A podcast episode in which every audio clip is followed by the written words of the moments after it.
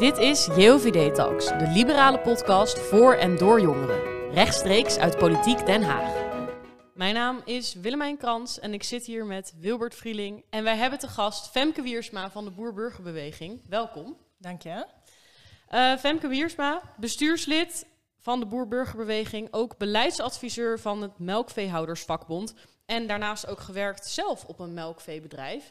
Uh, kan je misschien zelf ook nog wat uh, toelichten over nou ja, wie jij bent? Gewerkt op een melkveebedrijf, dat is misschien een beetje uh, een overdreven mm -hmm. stelling. Ik ben getrouwd geweest met een melkveehouder en in die hoedanigheid heb ik tien jaar op een, bijna op een melkveebedrijf gewoond. En de meeste mensen gaan er altijd vanuit dat als een vrouw trouwt met een boer, dat zij dan boerin is. Maar in de praktijk is dat niet zo. Um, nou ja, wat je al zei, ik ben uh, Femke Wiersma. Ik uh, woon zelf in Friesland, woonachtig echt, echt in het noorden.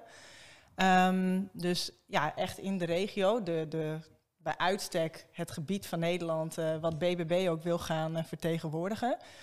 Um, ja, wie ik ben. Ik ben vanuit mijn achtergrond was ik WMO-consulent dus ik werkte voor de gemeente om uh, mensen langer zelfstandig thuis te laten wonen. Eigenlijk ook hun belangen af te wegen tegen beleid uh, dat er gevoerd uh, wordt in het kader van subsidieverstrekking.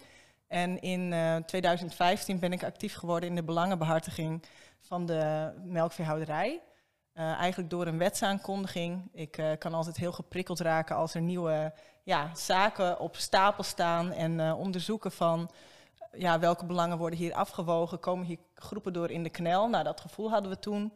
En uh, offensief gestart en in dat wetgevingsproces ook uh, deelgenomen. Um, en uiteindelijk daar uh, ja, vanuit de WMO, vanuit meer een welzijnskant, de overstap dus gemaakt naar de nou, beleidsmatige zaken in de agrarische sector. En dat is ook wel een beetje de reden dat ik vanuit dat netwerk, uh, wat ik sindsdien heb opgebouwd, uh, Caroline ook al snel tegen het uh, lijf liep. En toen zij op een gegeven moment met BBB, met Henk en Wim, ja, bezig was, heeft ze mij snel gevraagd om aan te sluiten. Dus dat is een beetje de voorgeschiedenis. Ja, want jij was dus ook uh, nummer twee op de lijst uh, afgelopen Tweede Kamerverkiezingen. Helaas net niet dan uh, voor jullie dan die tweede zetel binnen kunnen halen. Ja. Maar we zitten natuurlijk, ja, Caroline is dan wel even met de neus in de boter gevallen natuurlijk. misschien voor nieuwe partijen, want we hebben nu al behoorlijk wat stevige debatten gezien, waar je denk ik al best wel wat kleur hebt kunnen laten zien als BBB zijnde. Hoe kijk jij nu tegen de huidige formatie aan? we hebben natuurlijk net Herman Schenk-Willing die zijn rapport heeft afgeleverd, zijn opdracht heeft voltooid.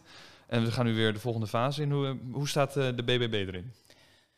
Ja, als je het hebt over een, uh, een coalitie, hè, wat voor ons ideaal zou zijn, dan hebben we daar niet echt een, een, mening over. Daar staan we nou ja, op dit moment wel blanco in. Wat wij wel vinden is dat als je kijkt naar de toeslag, toeslagenaffaire en de, ja, de personen die daarbij betrokken zijn geweest en aantoonbaar um, ja, niet de juiste informatie hebben willen verstrekken en zelfs uh, ook gelogen hebben dat dat soort mensen wat ons betreft niet meer op een uh, overheidsfunctie uh, terecht zouden moeten komen.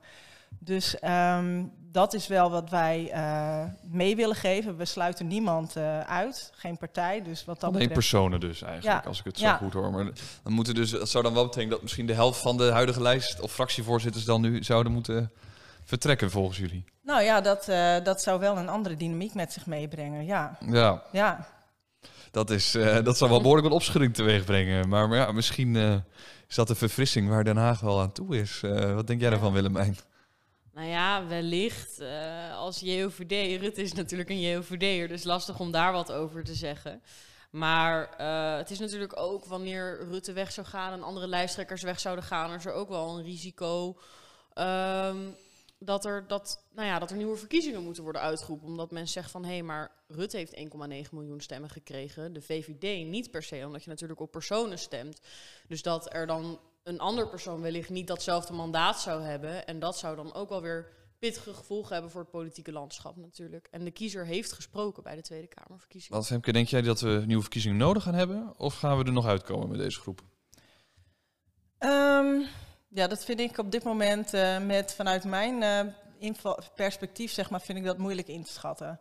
Ja, want uh, er zijn momenten geweest waarop ik echt dacht van nu gaan ze toch aansturen op nieuwe verkiezingen. En dat is mhm. gewoon onvermijdelijk. Maar dan toch blijkt er weer een, een uitweg te zijn. En ik geloof er toch weer perspectief aan de horizon. Dus ik vind het heel moeilijk om dat op dit moment hard te maken. D66 is natuurlijk de tweede partij. We hebben het nu over Rutte, de VVD een partij die zegt de veestapel moet gehalveerd worden, die waarschijnlijk dus ook in de coalitie zal komen. Um, hoe, hoe denken jullie daarmee om te gaan wanneer die straks erin te komen? Toch nog invloed uit te oefenen dat de veestapel niet gehalveerd gaat worden? Um, nou ja, ik denk dat wij vooral ook aan de kaak uh, kunnen gaan stellen, of in ieder geval uh, onder, aan onder het voetlicht brengen, van wat is nou echt de reden waarom je de veestapel zou willen halveren? Want welk doel dient dat? Kijk, als je dat echt inhoudelijk gaat uitwerken, dan valt er best wel heel veel op af te dingen. Dus dat is wel echt een taak voor BBB om daar heel goed een boodschap tegenover te zetten van, ja, wat zijn dan de consequenties? Hè? Als we het hebben over klimaat, beperkt zich niet tot onze landsgrenzen. Dat is een mondiaal thema. Als je hier de veestapel halveert, heeft dat voor, voor de hele wereld helemaal niet zo'n gunstig effect. En dat soort, ja, dat soort argumenten kun je ook gewoon heel makkelijk uh, weerleggen op het moment dat het gaat over de stikstofcrisis. Is ook niet iets wat echt hier binnen Nederland alleen speelt. Ehm, dus ik denk dat dat een taak is om ook ervoor te zorgen dat de burgers uh, de juiste informatie krijgen. Dat uh, de goede dingen geagendeerd worden. Ja, en um, wat wij wel hebben meegegeven is dat bij een eventueel regeerakkoord dat er niet te strakke kaders nu al, dat dat niet helemaal vastgezet moet worden. Maar dat je wel uh, bijvoorbeeld wat hoofddoelen daarin uh, formuleert op bepaalde gebieden die uiteraard op dit moment actueel zijn. Nou, dan heb je het over klimaat, stikstof, maar dat dat nog niet in beton gegoten moet zijn. Ja. Helder. En ik ben eigenlijk ook wel, ja, misschien maak ik al een klein sprongetje eigenlijk naar de BBB zelf als mhm. nieuwe partijen. Jullie zijn echt ja, een van de vele nieuwkomers dit keer. We hebben natuurlijk Volt, ja 21. En dus eigenlijk, ja, ik heb zelf bij van, wat, ja, waar moet ik jullie nou precies plaatsen in het politieke kompas? Dat, uh, wat, wat, jullie, hebben jullie een ideologie die jullie drijft? Hebben jullie iets van een bepaald gedachtegoed? Waar heb je bijvoorbeeld een idee van, oh, heel veel van onze leden komen uit een bepaalde partij misschien? Is, er, is de gemiddelde BBB ergens in te plaatsen? Om een ehm, beetje context te geven. Je hoeft het natuurlijk nou, niet te zeggen, we zijn primair dit, maar misschien nee, een beetje context. Nou ja, ik denk, uh, Caroline die uh, zegt het ook uh, ter afsluiting van haar moties, dat we verder gaan met het verspreiden van gezond verstand in de Kamer. Mm -hmm. Wij, ik denk, we, we, zijn niet links, we zijn niet rechts. Als je ons verkiezingsprogramma ook bekijkt, dan is dat heel uiteenlopend. Op bepaalde onderwerpen zijn we misschien wat meer rechts gepositioneerd. Terwijl we op andere onderwerpen heel goed met uh, SP wel mee zouden kunnen gaan. Um, dus je kunt ons niet echt, we zijn niet voor één gat te vangen. Maar we zijn in de basis wel echt een plattelandspartij. Ja. En um, ja, voor de regio, dat, dat is gewoon onze, ons speerpunt. Ja, want jullie vinden dus wel echt dat die verbinding daar, die is, die is de afgelopen jaren veel minder geworden. Of was die al slecht? Hoe, kijk, is het echt, vinden jullie het echt een probleem is van de laatste tijd, hè, die verbinding tussen Randstad en regio, of is dat echt al langer gaande? Nee, ik denk dat dat al, al heel lang gaande is. En dat heeft ook te maken met um, ja, de werkgelegenheid waar die zich concentreert. Uh, ook het agrarisch gebied. Uh, als je kijkt, op het platteland maken de voedselmakers, hè, die maken daar gewoon een heel belangrijk deel van uit. Die onderhouden het landschap. Ja, vroeger kwamen eigenlijk alle mensen nog bij die voedselmakers over de vloer om daar voedsel te kopen. En kijk, dat, dat is ook iets, die hele cohesie daartussen, dat is al heel lang, is daar een tendens. Um, dat, dat, uh, ja, dat dat aan het vervagen is. Ja. Zeker interessant. Ja, nee, Dat, die hebben, dat is ons ook zeker niet ontgaan. Uh. Nee, precies. Dat hebben we ook wel door. Wat, wat ik zelf ook heel interessant vind, want er zijn dus vier nieuwe partijen in de Kamer. En Boer-Burgerbeweging was voor de meeste mensen toch een beetje een verrassing. Van, we hadden wel wat gehoord over Volt, ja, 21 bij 1. En toen de laatste anderhalve week voor de verkiezingen kwam uh, eh, BBB uh, eh, in het oog gesprongen. Maar ja, we hadden het er net al over. Jullie zijn eigenlijk al best wel lang bezig met het opbouwen van de partij. Hoe is dat in zijn werk gegaan? Nou ja, als je het hebt over de opbouw van de partij, daar zit echt een gedegen voorbereiding aan vast. Dat is echt iets wat ja, vanaf 2018 al is gaan groeien. En in 2019 is er uiteindelijk de, de partij opgericht. Ehm, dus er zit heel veel voorwerk in. We hebben eerst ook gezorgd dat er een bestuur is wat gedegen staat. En uh, altijd gezegd van we gaan het stapje voor stapje doen, niet te snel willen. Dat zie je soms bij andere partijen. Als je dan te snel gaat, dan ja, ben je niet zorgvuldig genoeg. Dat kan ook weer tot andere problemen leiden, waardoor zo'n partij al sneuvelt voordat, die, uh, ja, voordat de verkiezingen daar zijn. Dus dat hebben we heel gedegen opgebouwd. Eerst ook alle kandidaten geselecteerd, uh, vervolgens verkiezingsprogramma geschreven. En daarna bewust uh, gekeken van hoe gaan we die campagne insteken. Maar ja, ik denk dat je dan ook die kloof van stad en platteland ook daarin dus wel herkent. Zo van ja, bij de mensen uit de stad waren we pas heel laat in beeld gekomen. Terwijl we toch op dat moment uh, tijdens de verkiezingen op het platteland al best wel ja, daar leefde dat al best wel. Er staan meer dan, uh, stonden meer dan 500 spandoeken door heel Nederland. We hadden meer dan, uh, ja, meer dan 100 vrijwilligers door het hele land die, uh, die voor ons bezig waren. En je ziet dan toch ook dat ook de media ja, toch relatief weinig aandacht desondanks aan BBB gegeven heeft. ja, in die periode echt voor die verkiezingen. Nu pakte dat uiteindelijk toch nog heel goed uit. Ik denk hè, als je kijkt naar de peilingen, werden wij uh, op zo'n manier gepeild. Uiteindelijk bij de verkiezingen bleken we heel bovenin die range te zitten. Dat bevestigde wel een beetje ons gevoel dat ja, de, ook in die peilingen, die mensen die daarin meegenomen worden, dat dat toch op het platteland toch niet, die data niet helemaal kunt extrapoleren naar, wat er, hè, naar de plattelandsgemeenschap. Um, en dat die gewoon minder worden meegenomen. En uh, ja, gelukkig hadden wij echt een perfect momentum in de zin van dat net voor de verkiezingen dat we toch in die, nou ja, in de peilingen, maar ook daardoor in bepaalde kieswijzers, kieskompassen werden opgenomen. Ja, en dat heeft er toch voor gezorgd dat we een dikke, dikke zetel gehaald hebben. Ja, precies. En uh, Caroline, die doet het natuurlijk supergoed in de Kamer. Heel veel mensen zijn door haar gecharmeerd. En uh, jij was natuurlijk de nummer twee. Uh, misschien inderdaad, er, er, is wel een goede voorbereiding geweest. Zit je wel goed op je plek? Vind je het jammer dat je niet in de Kamer bent gekomen? Zie je ergens anders, misschien meer in de regio, nog een plek voor jou in de politiek? Um, nou, vind ik het jammer, laat ik vooropstellen. Ik ben gewoon heel trots op wat wij bereikt hebben. Ja. Met de middelen die wij hebben, hè, die we hadden ook om die campagne te voeren. Um, ik denk menige politieke partij als die daar zich in zou verdiepen, dan zou die zeggen van, goh, hoe hebben jullie dat gedaan? Nou, dat hebben we gedaan door de gedragenheid van al die vrijwilligers en die daar zo keihard aan meegewerkt hebben om toch uh, eh, BBB op de kaart te zetten. Want met minimale middelen toch een zetel gehaald. Het is echt, ja, jullie zitten hier bij de politiek. Dat is gewoon best een knappe prestatie. Dus vind ik het jammer. Ik ben gewoon heel trots. En ja. ik ben blij dat we BBB eh, in de Kamer hebben. Ik blijf betrokken. Uh, op welke manier, ja, dat zijn we nu aan het uitvogelen. Maar natuurlijk, ik ben de nummer twee. Dus op het moment dat er iets met Caroline gebeurt, moet ik straks wel uh, ja, dan klaar zijn om haar, uh, haar plek tijdelijk of niet in te nemen, wat er ook maar speelt. Dus ik zal zeker betrokken blijven. We gaan meedoen aan de provinciale verkiezingen. En ik weet wel zeker dat ik daar ook een, een rol bij in zal nemen om te kijken, hè, om dat ook weer net zoals wat we nu gedaan hebben, om dat verder te helpen. Maar ja, hoe we dat precies gaan doen, kan ik op dit moment niet zeggen. Het is de afgelopen weken, het is zo'n rollercoaster geweest. En we moeten nu eerst gewoon zorgen dat die fractie, uh, ja, dat dat uh, komt te staan en dat uh, Caroline goede ondersteuning krijgt. En dan kijken we weer verder. En ja, dat geldt ook voor mij. Ja. Maar jullie gaan dus niet meedoen aan de gemeenteraadsverkiezingen volgend jaar al? Nee, dat is um, ja, bewust niet. Omdat ja, we hebben de, de landelijke partij ook gewoon echt de tijd genomen om dat stapsgewijs goed te kunnen voorbereiden. Zodat je er ook echt staat en ook kunt waarmaken wat je. Ja, Hoeveel hebt. leden hebben jullie bijvoorbeeld dan? Uh, nou, dat gaat nu richting de duizend. Okay. Ja. En ook al binnenkort uh, ledenvergadering, eerste ledenvergadering. Of hebben jullie bijvoorbeeld al echt ledenvergadering gehad om bijvoorbeeld ja, statuten, reglementen zeker, vast... Zeker, uh, absoluut. De kandidaten zijn aan de ledenvergadering voorgelegd en goedgekeurd. Uh, de, het verkiezingsprogramma is middels een ALV ook vastgesteld. Dus wij betrekken onze leden echt bij alle stappen die genomen worden. Ja, dat, dat, dat is zo belangrijk. Ja. Dat je die ja.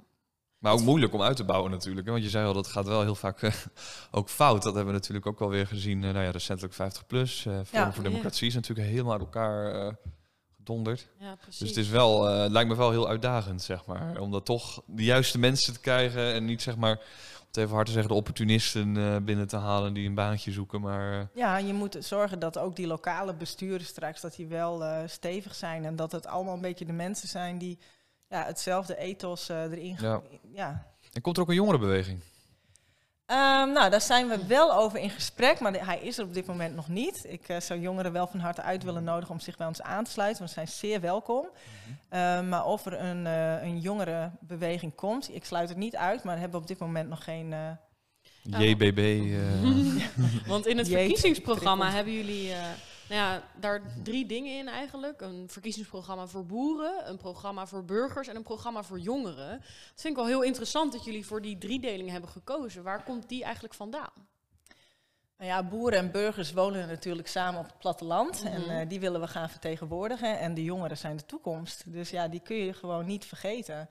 En die zijn uh, hartstikke belangrijk. Dus die willen we absoluut meenemen. En uh, we vinden het ook heel belangrijk dat jongeren ik denk ook, hè, Caroline die heeft zo'n frisse manier van um, politiek bedrijven. En ook in de debatten komt ze gewoon heel nuchter en in hele begrijpelijke taal uh, over. Ik denk ook dat dat heel veel jongeren ook weer aan kan spreken. En dat vinden we ook super belangrijk. Dat. Ja, want je hoort natuurlijk de afgelopen jaren al wel, er moet een beter jongerengeluid komen. Jongeren worden niet goed genoeg vertegenwoordigd. En is dat iets wat, wat jullie vanaf het begin al heeft gedreven? Of is dat ook waar jullie op ingespeeld hebben omdat jullie dat probleem hadden geconstateerd? Nee, kijk, we zijn primair er voor het hele platteland. Mhm. Maar wat je wel ziet is dat jongeren daar wel ook een speciale plek op innemen. Omdat je gewoon in bepaalde nou ja, regio's uh, te maken hebt met het teruglopen van voorzieningen, waardoor de leefbaarheid heel erg onder druk staat. En het zijn toch vaak eerst ook vooral de jongeren die daar de dupe van worden. En die ook een beetje buiten beeld raken hè, bij, bij bijvoorbeeld de jeugdwerkers.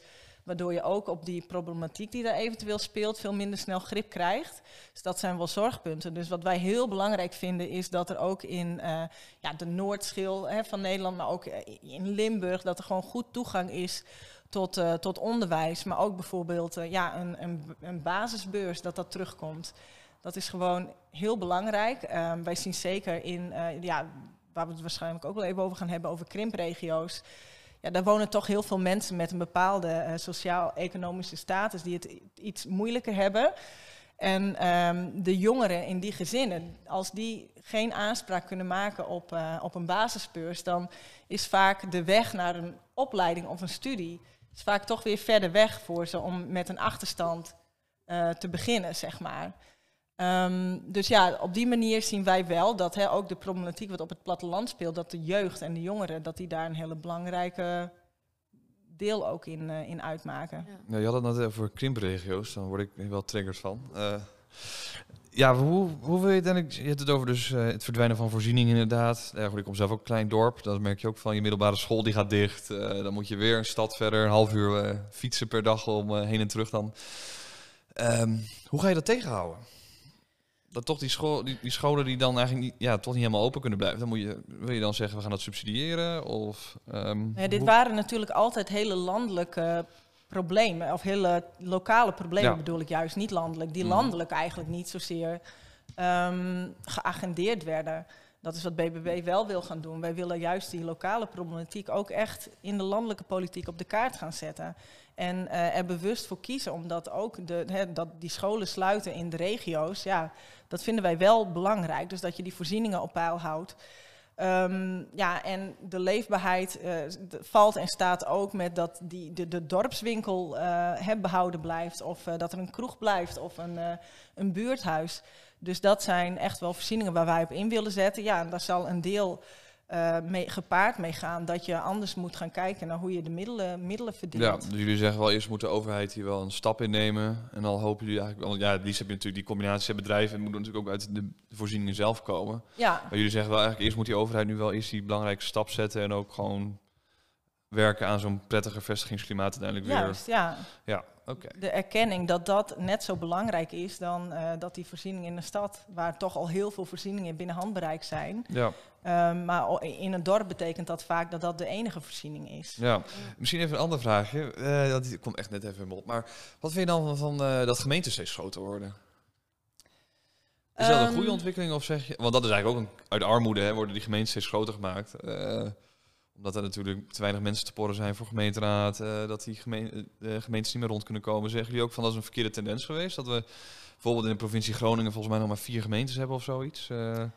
Nou ja, dat hangt er natuurlijk van af of het groter worden van zo'n gemeente uiteindelijk ertoe leidt dat zij wel met veel meer taken geconfronteerd worden waar ze de middelen niet voor krijgen. Mhm. En ik denk eerder dat het daarin zit, niet per se in het, ja, ik denk wel als een gemeente wat meer lokaal actief is. Ik zie dat bij mij in de, in de, buurt, zeg maar, heb je gemeente Dantemediel. Nou ja, die, dan weet je wel echt wat er daar in de regio speelt tot aan het dorpshuis in het volgende dorp aan toe. Dat moet bij een wat grotere gemeente geen probleem zijn. Maar wat je ziet, dat, wat tegelijkertijd uh, een andere verkapte bezuinigingsmaatregel is natuurlijk die decentralisatie van verschillende ja, uh, ja um, de, de AWBZ bijvoorbeeld, jeugdzorg, hè, de zorg, ja. de jeugdzorg. Uh, ja, terwijl die gemeenten dan vervolgens met uh, veel meer taken geconfronteerd worden, maar daar de middelen niet voor hebben. Mm. Waardoor dat op die manier uitgekleed wordt. Ik denk dat dat uiteindelijk het echte probleem is wat daarin opgelost moet worden. Ja. Als we het nog weer even over het verkiezingsprogramma hebben.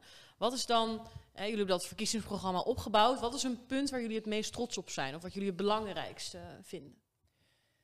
Um, ja, we hebben echt, als ik het over BBB breed heb, zeg maar, mm -hmm. dan denk ik dat dat is dat uh, onze voedselmakers, en we zijn echt in heel de wereld, is Nederland toonaangevend op het gebied van voedselproductie. Ja, de frames doe je soms anders geloven, maar het is echt zo. We lopen daarin echt voorop, ook qua kennis rondom landbouw. Uh, in Wageningen, echt de hele wereld kijkt naar Nederland, uh, hoe, wij, uh, hoe wij dat doen. En voedselproductie, onze voedselmakers, die staan echt centraal in ons hele programma. En daar zijn we echt trots op. En dat willen we ook uitdragen en die willen we ook koesteren.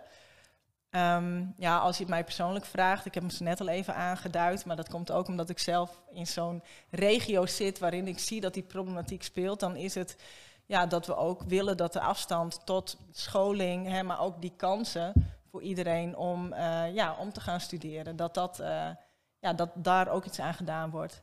En dat dus ook die kinderen die in uh, ja, omgeving, in regio's opgroeien waar gemiddeld genomen hè, de, de, de economische sociale status dus iets lager is, maar dat die wel ook net zoveel kansen krijgen om zich te ontwikkelen. Ja, ja interessant. En en die regio die is natuurlijk heel belangrijk. En wat ik heel, heel grappig vond, of eigenlijk heel leuk, uh, was dat jullie verkiezingsprogramma ook in acht talen gepubliceerd is. Dus niet alleen in Nederlands, maar ook nog zeven streektalen. Ja. Uh, van waar die keuze? Want ik, ik denk ook om de regio dan te vertegenwoordigen. Maar is er iemand die dacht van, ah, oh, dat moeten we echt doen? Of was het eerst, oh, we doen het ook in het Fries en het Neder-Saxisch en er is telkens wat bijgekomen? Ja, we hadden het liefst in alle dialecten ja. willen vertalen, maar het is een hele klus geweest. Mhm. Mm -hmm. En uh, vrijwilligers hebben dat voor ons, uh, ons gedaan. Dus uh, we hebben zoveel mogelijk. Weet je, kijk, wij zijn van en voor het platteland. En we houden gewoon van de, de plaatselijke tradities en folklore. Dat willen we, willen we echt behouden. Hè? Of het nu gaat om paasvuur of ja, dat soort ja, regionale dingen die de mensen, hè, de gemeenschappen met elkaar verbindt ja, dat willen wij gewoon koesteren. En ja, in heel veel regio's, ik ben zelf een Friesin. En ik ben ook echt heel erg trots op mijn Friese taal. En als ik hier in, uh, in Den Haag rondloop en ik kom een Fries tegen, dan kun je er echt stevast van uitgaan dat, ja, dat je daar direct een connectie mee legt, weet je wel. En wij staan dus echt voor dat platteland, voor die regio's. En ja, we hebben gepoogd om ook mensen in hun eigen dialect aan te spreken. Om ja, ze het gevoel te geven dat we dat niet alleen zeggen, maar dat we dat ook echt, ja, dat we daar gewoon bloedserieus over zijn. Dat we ze serieus nemen. Ja, het succes zit hem ook in de details natuurlijk. Dus Soms dit wel. Ook, uh, ja, Ja. heel leuk. Ja, ik krijg een beetje wat. Ja, misschien ook misschien nog niet helemaal over nagedacht. Maar wat vinden jullie dan van een districtenstelsel? Misschien in Nederland. Zeg maar dus dat we per provincies eh, onze de Tweede Kamer kiezen. Zeg maar dus dat je vanuit die provincie zeg maar dan je volksvertegenwoordigers, zeg maar zoals in Groot-Brittannië ook zien, dat je dus dan in een eh, provincie twee kandidaten hebt, of eh, nou ja, alle kandidaten hebben tweede ronde en dan met Mhm. twee. Dat je dan een echte, dat je echt zeg maar die band hebt tussen volksvertegenwoordiger en achterban, zeg maar echt de provincie-achterban, zeg maar. Maar Heb je daar ook een eh, mening over op dat gebied? Nou, ik heb er hier nog niet zo over nagedacht, maar ik denk wel dat het goed is wanneer eh, inderdaad het, het politieke gestel zich gewoon wat meer verspreidt over heel Nederland. Omdat het nu gewoon allemaal hier op de Randstad gericht is. Nou ja, weet je, ook, ook de ministeries, die zou je misschien ook niet allemaal hier moeten willen hebben, omdat je daardoor ook weer bepaalde mensen aantrekt. Ja. Ik woon zelf in Friesland. Nou, ik ben net drie uur onderweg geweest om hier te komen. Dus je, je centreert wel iets waardoor je ook een bepaalde misschien tunnelvisie, ja, niet helemaal tunnelvisie, niet helemaal het juiste woord, maar um, waardoor je misschien de echte diversiteit die ons hele land biedt, uh, ja, daar niet in op kunt nemen. En ik denk wel dat het, dat het heel goed is wanneer dat wel, uh, wel gebeurt. Ja, wat volgens mij in de huidige Kamer zijn uit de noordelijke provincies voor mij nog niet eens 10 procent. Dat zijn echt nog niet eens 10 mensen volgens mij die uit Groningen, Drenthe en Friesland bijvoorbeeld kwamen. Oh, Er waren echt heel weinig. Nou, ik weet dat er vanuit Friesland iets van 29 op de lijst uh, stonden, maar... Ja. Ja. Nee, ik weet niet hoeveel dat er zijn. Dat zouden we na uh, moeten zoeken. Te weinig sowieso. Ja, nou we hebben het natuurlijk ook over dat, dat Randstad versus de regio, Randstad versus het platteland gehad. En inderdaad, het, is hier gecentreerd. Je ziet dat heel veel overheidsgeld toch wel naar de Randstad gaat. Bijvoorbeeld bij infrastructuur ook. Komt een weg. Uh, oh, laten we de weg tussen Utrecht en Den Haag verbreden. Of uh, laten we uh, nog wat extra OV-geld hierin pompen. In plaats van bijvoorbeeld een lelielijn of, of, of, of andere wegen in de regio. Waar ligt dat aan en hoe denken jullie dat tij wellicht te kunnen keren? Um, ja, dat ligt er natuurlijk aan omdat juist alles heel erg gericht is op die randstad. Dus mm. grote bedrijven die vestigen zich hier, waardoor je ook weer allemaal mensen hebt die daar willen werken. Dus die moeten hier wonen. Dus ja, de, je krijgt gewoon echt zo'n ja, zo'n zo'n hoge drukplek uh, waarbij alle voorzieningen en ook infrastructuur gewoon heel belangrijk is. Um, ja, hoe wil je dat veranderen? Dat is door gewoon een andere keuze te maken. Ik denk dat de politiek daarin gewoon moet kiezen en juist ook um, ja, ervoor moet kiezen. Kijk, als je kijkt naar de investering per, uh, als je dat af zou zetten tegen hoeveel uh, mensen van de bevolking profiteren daar dan van, ja, dan heb je natuurlijk dat, dan is dat, levert dat zich veel sneller op in een dichtbevolkt gebied. Maar ja, misschien moet je er juist eerst ook voor kiezen om dat juist te doen, ook naar die gebieden uh, die wat minder dichtbevolkt zijn. En dat is een keus die je. Want door corona zie je ook dat toch wel wat mensen wat meer in ieder geval naar de Veluwe en een beetje naar Overijssel, Gelderland zijn getrokken. Uh, omdat ze denken van, hé, hey, misschien wil ik daar wel wonen. Dat dat zich toch wel wat meer verplaatst, omdat mensen ook wat meer vanuit huis kunnen werken. Zo ligt dat het dan juist ook wel baat om ook die wegen te verbeteren. Ja, en sowieso het openbaar vervoer, dat is echt op het platteland dramatisch geregeld. Ja, dan wil je dus misschien nog rekeningrijden in gaan voeren. Dat zou uh, al helemaal erg zijn, want die mensen moeten altijd verreizen. En uh, je hebt geen OV als alternatief natuurlijk. Uh, ja. in, in, sommige gevallen. En dan, ja, dan ben je echt, echt te sjaken. Dat is wel zorgelijk. Nog een vraag in de Kamer, om toch dat De, de plannen klinken heel constructief en, en dat is natuurlijk ook heel goed. Uh, toch even advocaat van de duivel spelen. Uh, moties die zijn ondertekend, gezamenlijk met de PVV, een partij waar mensen zich heel erg tegen afzetten. Het is natuurlijk maar de vraag of dat goed is. Maar hoe willen jullie toch die constructieve stem zijn om ook met die grote partijen, wellicht ook partijen in de coalitie, te kunnen beïnvloeden? Uh, hoe gaan jullie dat doen? Um, nou ja, ten eerste, ja, jij hebt het over de PVV. Wij sluiten niemand uit. Het, mhm. gaat, uh, het gaat om de inhoud en niet om, uh, om de vorm. Um, ja, hoe gaan we dat doen? Als het nodig is, dan uh, werken wij gewoon samen met andere partijen. En nogmaals, wij zijn niet van plan van met die willen we niet samenwerken en met die wel. Dus ja, dat. En, en nou, wat ik meer bedoel te zeggen, denk ik, is dat je toch uh, politieke keuzes zorgt voor een bepaald imago. En ik denk dat over het algemeen dus best wel positief wordt ontvangen. Um, maar om toch, om toch bij die macht in de buurt te komen, een constructieve oppositie te zijn. Ja, precies. Ja, op die manier. Ja, ja nou, ik, eh, ik kan dit zo op deze manier, ik heb hier nooit uh, op die manier over okay. nagedacht.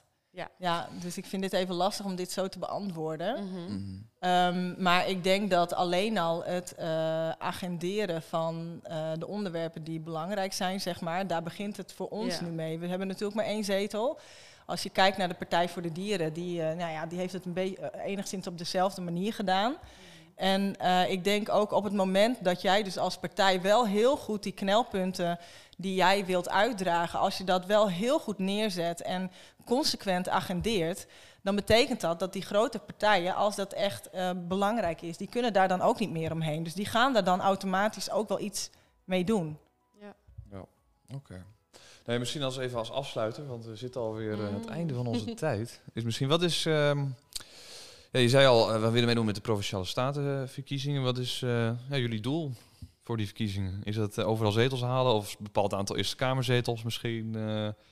wat is jullie doel daarin? Wij, wij gaan meedoen aan de statenverkiezingen en ik ga ervan uit dat BBB daar best wel een, ja, landelijk gezien op, in sommige staten best wel een grote partij kan gaan worden. Ja. Dus dat is het eerste doel. En daarna kijken we wel verder. Nou ja, met één zetel in de Tweede Kamer en dan bijvoorbeeld misschien vijf of meer in, twee, in de Eerste Kamer, dan heb je natuurlijk tegenwoordig veel invloed. Hè? Want het kabinet heeft volgens mij echt al heel lang geen meerderheid meer gehad in de Eerste Kamer.